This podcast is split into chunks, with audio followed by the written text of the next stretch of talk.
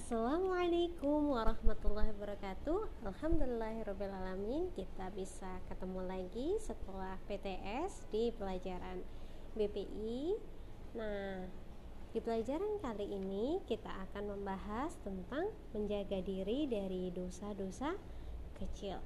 Teman-teman udah pernah dengar apa itu dosa besar dan itu dosa kecil?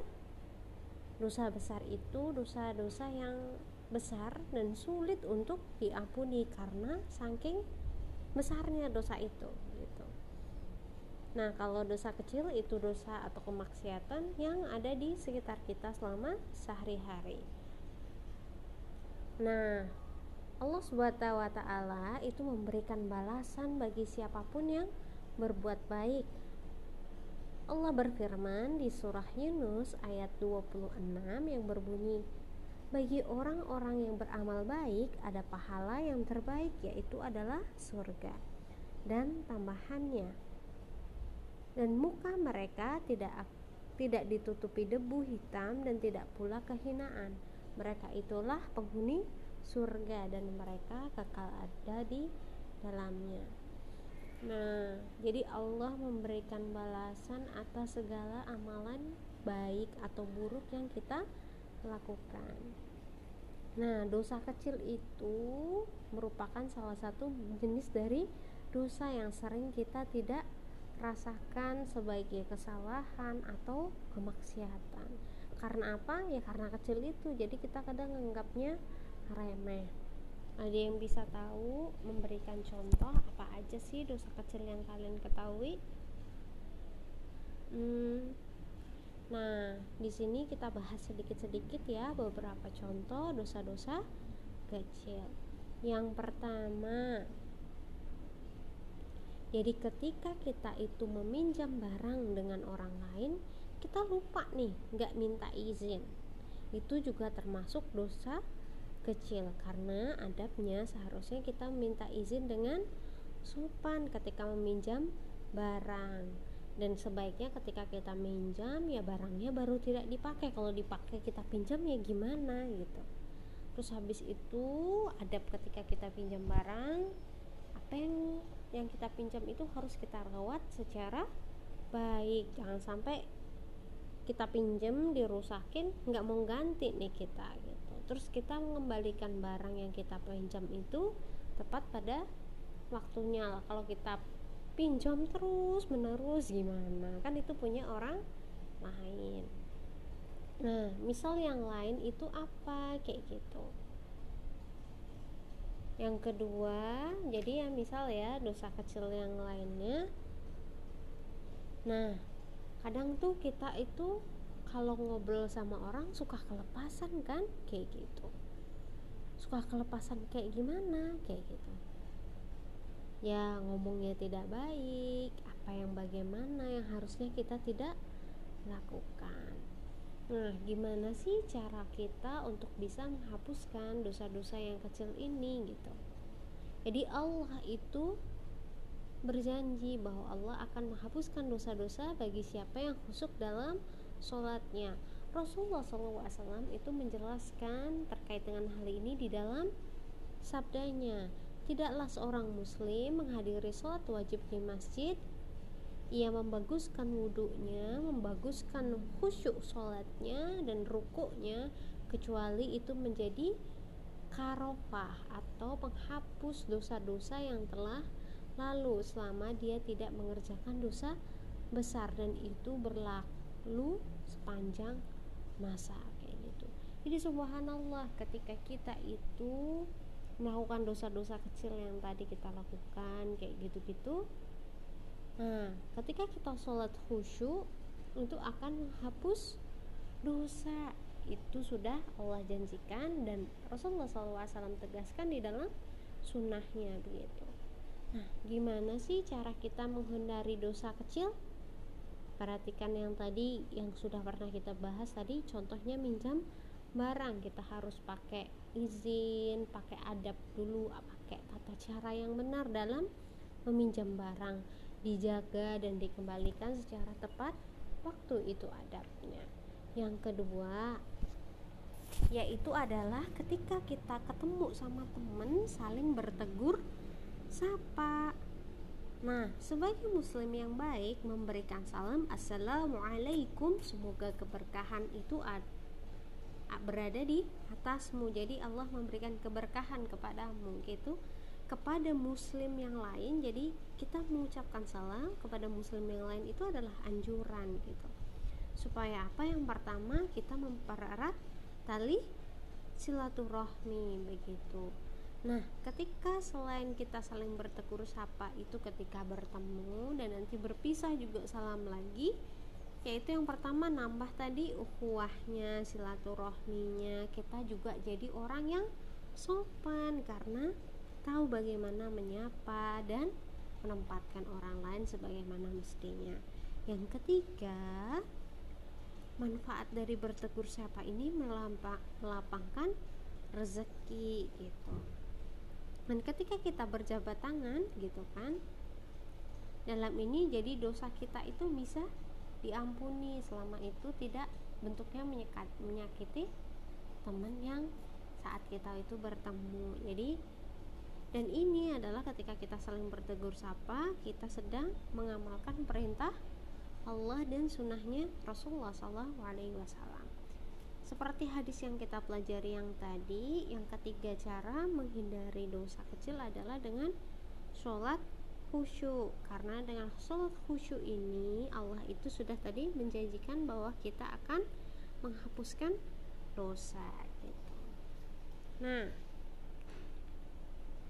apa sih yang teman-teman ketahui? Dosa-dosa kecil apa sih yang pernah kita lakukan dalam sehari ini? apa sih hal-hal yang kita lupakan amal-amal yang bisa kerjakan hari ini tapi terlupakan tidak terkerjakan setiap hari kita perlu mengadakan yang namanya muha sabah atau evaluasi diri supaya kita bisa berubah menjadi pribadi menjadi muslim yang baik begitu. Tadi sekarang di rumah pagi sudah menyapa ayah dan ibu belum? Atau sudah ngobrol dengan keluarga yang lain di rumah? Atau apa yang sudah kita lakukan untuk membantu pekerjaan-pekerjaan di rumah udah melakukan apa udah nyuci piringnya belum yang tadi dipakai habis makan sudah menempatkan barang yang diambil sesuai tempatnya lagi atau belum nah itu perlu kita evaluasi di dalam sehari apa yang sudah kita lakukan apa yang sudah kita katakan dalam sehari. Semoga dengan itu kita akan dimudahkan oleh Allah Subhanahu wa taala dalam menghindari dosa-dosa kecil. Nah, untuk tugasnya kali ini silahkan teman-teman menuliskan gitu.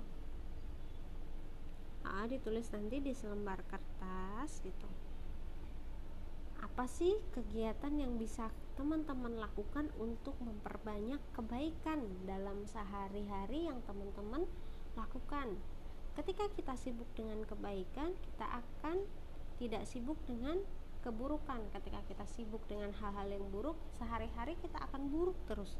Tapi kalau kita perbanyak kebaikan maka sehari-hari itu akan baik begitu. Maka ustazah minta teman-teman menuliskan usaha kebaikan-kebaikan apa sih dalam sehari yang teman-teman usaha sudah lakukan. Silakan dituliskan di selembar kertas nanti dikumpulkan kepada ustazah. Begitu untuk BPI kita kali ini. Terima kasih Afwan minkum wassalamualaikum warahmatullahi wabarakatuh.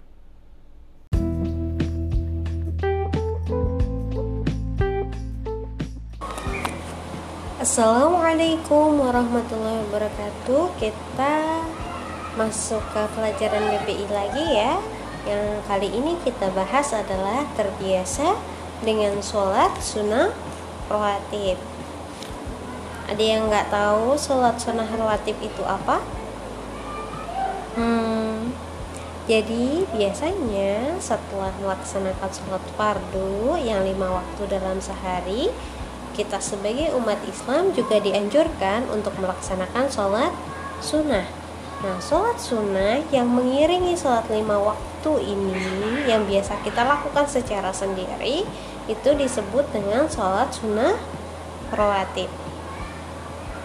Sholat sunnah rawatib itu dikerjakan biasanya dua rakaat ada juga yang sampai empat rakaat yang bisa dilaksanakan sebelum sholat wajib yang disebut dengan qobliyah atau yang dilaksanakan sesudah sholat wajib yang disebut ba'diyah. Sudah qobliyah subuh belum? Atau sudah sholat rawatib sebelum subuh itu? Nah ketentuan untuk sholat sunnah rawatib itu apa saja sih yang pertama sholat rawatib tidak didahului dengan azan maupun iqomah gitu. Jadi nggak ngajak-ngajak orang lain untuk sholat rawatib ini. Sholat rawatib dilakukan secara munfarid atau sendiri.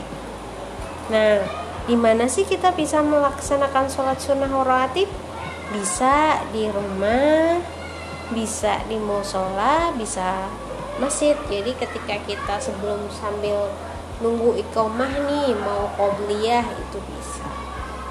Yang keempat jadi bacaan yang dibaca dalam sholat sunnah rawatib ini tidak dinyaringkan. Nah jadi itu jadi dia secara sir kita bacanya sendiri gitu. Untuk diri kita sendiri tidak boleh dinyaringkan selanjutnya dilakukan setiap dua rakaat itu satu salam begitu nah Rasulullah SAW sering berpindah tempat dari tempat sholat fardu sebelum melakukan sholat sunnah. Jadi di sini kadang ada tuh temennya yang tukeran tempat atau temennya yang geser satu langkah sebelum melaksanakan sholat sunnah rawatib. Mengapa? Karena sunnahnya Rasulullah SAW juga melakukan hal tersebut. Nah, beberapa ketentuan-ketentuan di atas itu kita bisa menarik kesimpulan bahwa sholat sunnah rawatib yang paling utama itu dikerjakan di dalam rumah. Rasulullah SAW bersabda, hendaklah kalian mengerjakan sholat di rumah-rumah kalian karena sesungguhnya sebaik-baik sholat seseorang adalah di rumahnya kecuali sholat fardu. Tadi kita sudah belajar apa sih itu sholat sunnah rawatib ada apa aja ada qobliyah dan ba'diyah. Terus habis itu ketentuannya apa? Berikutnya yang akan kita pelajari adalah manfaat menunaikan sholat sunnah rawatib. Yang pertama manfaatnya adalah menyempurnakan kekurangan sholat wajib. Misal tadi pas sholat wajib kurang khusyuk nih. Jadi dengan melakukan sholat sunnah rawatib ini maka itu akan menyempurnakan sholat kita itu tadi. Seperti di dalam Rasul Rasulullah sabda Rasulullah dalam sunnahnya dalam hadisnya sesungguhnya amalan yang pertama kali dihitung dari seorang muslim pada hari kiamat adalah sholat wajib. Apabila nilai sholat wajibnya itu sempurna maka sempurnalah balasannya namun apabila tidak sempurna maka dikatakan lihatlah apa orang ini memiliki perhitungan sholat sunnah? Apabila ia memiliki perhitungan sholat sunnah maka kekurangan sholat wajibnya akan disempurnakan oleh sholat sunnahnya. Selanjutnya berlaku demikian pada seluruh amalan ibadah wajib lainnya. Ini bisa kita temukan di hadis riwayat Ibnu Majah Nah itu tadi ya manfaatnya. Jadi ketika kita melakukan sholat sunnah rawatib itu akan menyempurnakan kekurangan-kekurangan kita pada sholat wajibnya. Jadi ketika di yaumul mizan atau hari pertimbangan itu akan menjadi timbangan amal kebaikan kita yang utama. Yang kedua itu lebih baik daripada dunia dan isinya Kenapa sih? Karena sholat rawatib yang dilakukan sebelum sholat subuh adalah sebuah amalan yang sangat dianjurkan. Nah, ini ada hadisnya. Hadisnya di riwayat Muslim. Rasulullah SAW bersabda, dua rakaat sebelum sholat subuh itu lebih baik daripada dunia seisinya. Nah, yang ketiga, sholat sunnah rawatib ini membantu kita mengharamkan api neraka. Jadi sunnah ini menghindarkan kita dari api neraka. Kok bisa? Kita bisa buka di hadis riwayat Abu Daud dan Tirmizi.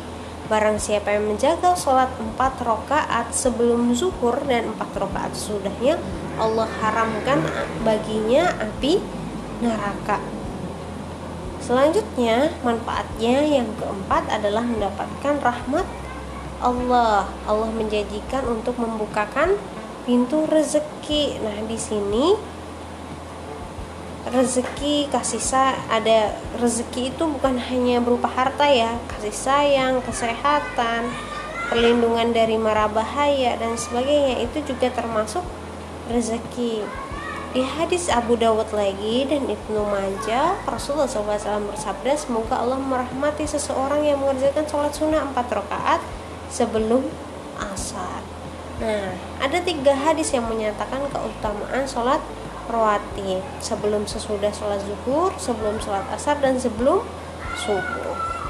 Nah, jadi ada juga hadis yang menyatakan bahwa apabila kita menjalankan yang namanya sholat sunnah rawatib, Allah akan membangunkan surga rumah, membangunkan rumah sur di dalam surga gitu. Hadisnya bunyinya begini Tidaklah seorang muslim melaksanakan sholat sunnah untuk Allah pada setiap harinya sebanyak 12 rakaat. Selain sholat fardunya melainkan Allah akan bangunkan baginya rumah di surga. Jadi ketika kita menjaga sholat ini sholat sunnah rawatib sebanyak 12 rakaat setiap hari Allah akan bantu kita bangunkan di dalam surga itu rumah sebuah rumah jadi udah orangnya belum masuk di sana tapi Allah sudah bangunkan rumah begitu. Nah itu tadi ya yang kita pelajari e, dari hadis ini hadis-hadis dan pelajaran terkait dengan sholat sunnah rawatib nah setelah ini Ustaz beri tugas ya. Nah, tugasnya adalah silahkan teman-teman menyebutkan macam-macam apa saja sih sholat sunnah rawatib yang teman-teman ketahui. Silahkan dituliskan difoto dan dikirimkan. Terima kasih. Cukup sekian untuk pelajaran BPI KL ini. Kita tutup dengan bacaan hamdalah Alhamdulillahi Rabbil Alamin. Afan minkum. Wassalamualaikum warahmatullahi wabarakatuh